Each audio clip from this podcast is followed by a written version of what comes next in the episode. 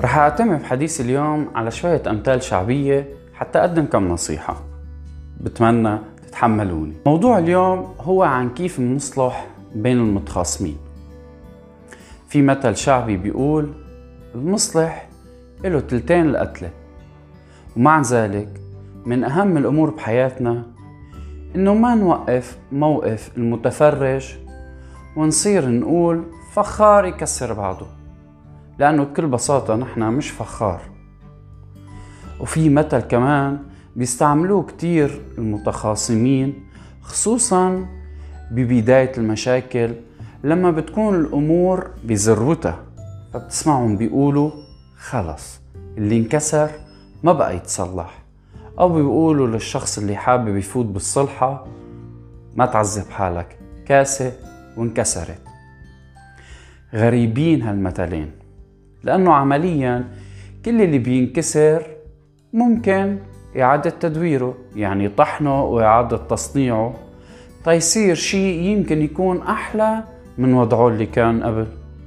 مشان هيك ما تخافوا تكونوا محضر خير مثل ما بيقول المثل. وتحاولوا تصالحوا بين الأشخاص اللي حواليكم.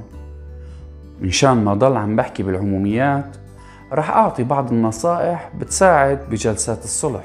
أول نقطة تحديد أساسيات التصالح.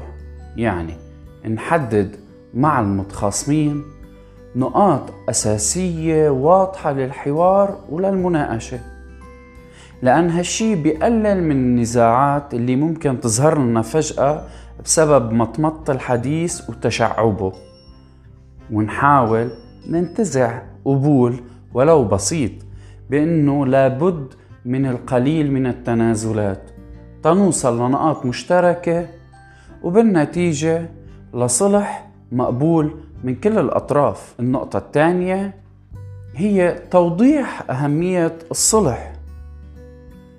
نوضح إنه الصلح ضروري للطرفين. مو بس هيك ولكل مين حولهم.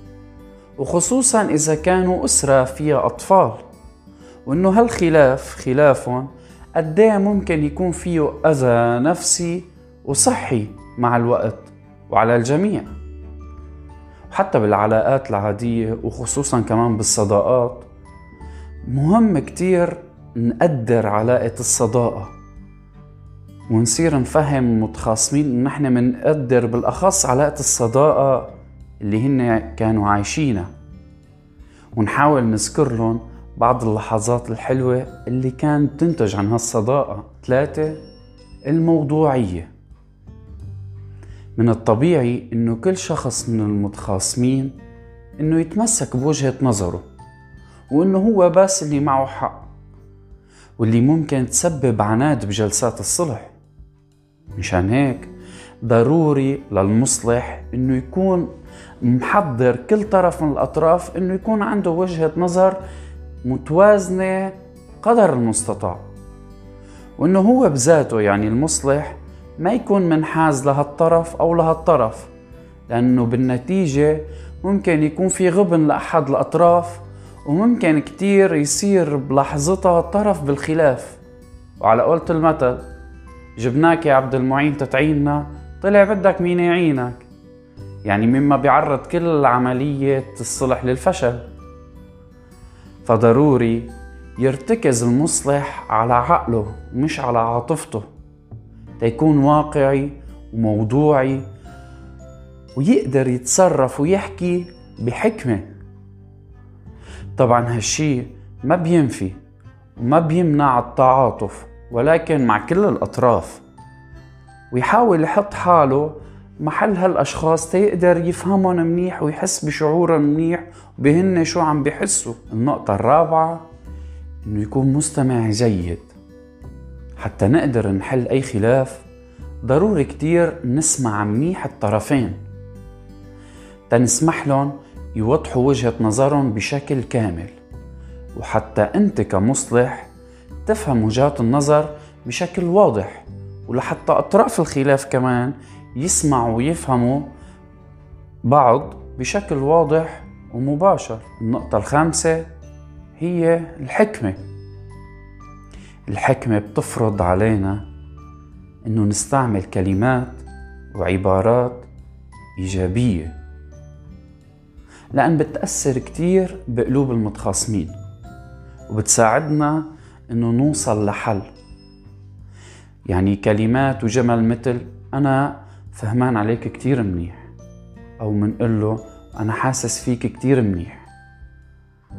ونتجنب نقول لأ بطريقة قطعية وإظهار عدم اتفاقنا مع أحد الأطراف بشكل كامل.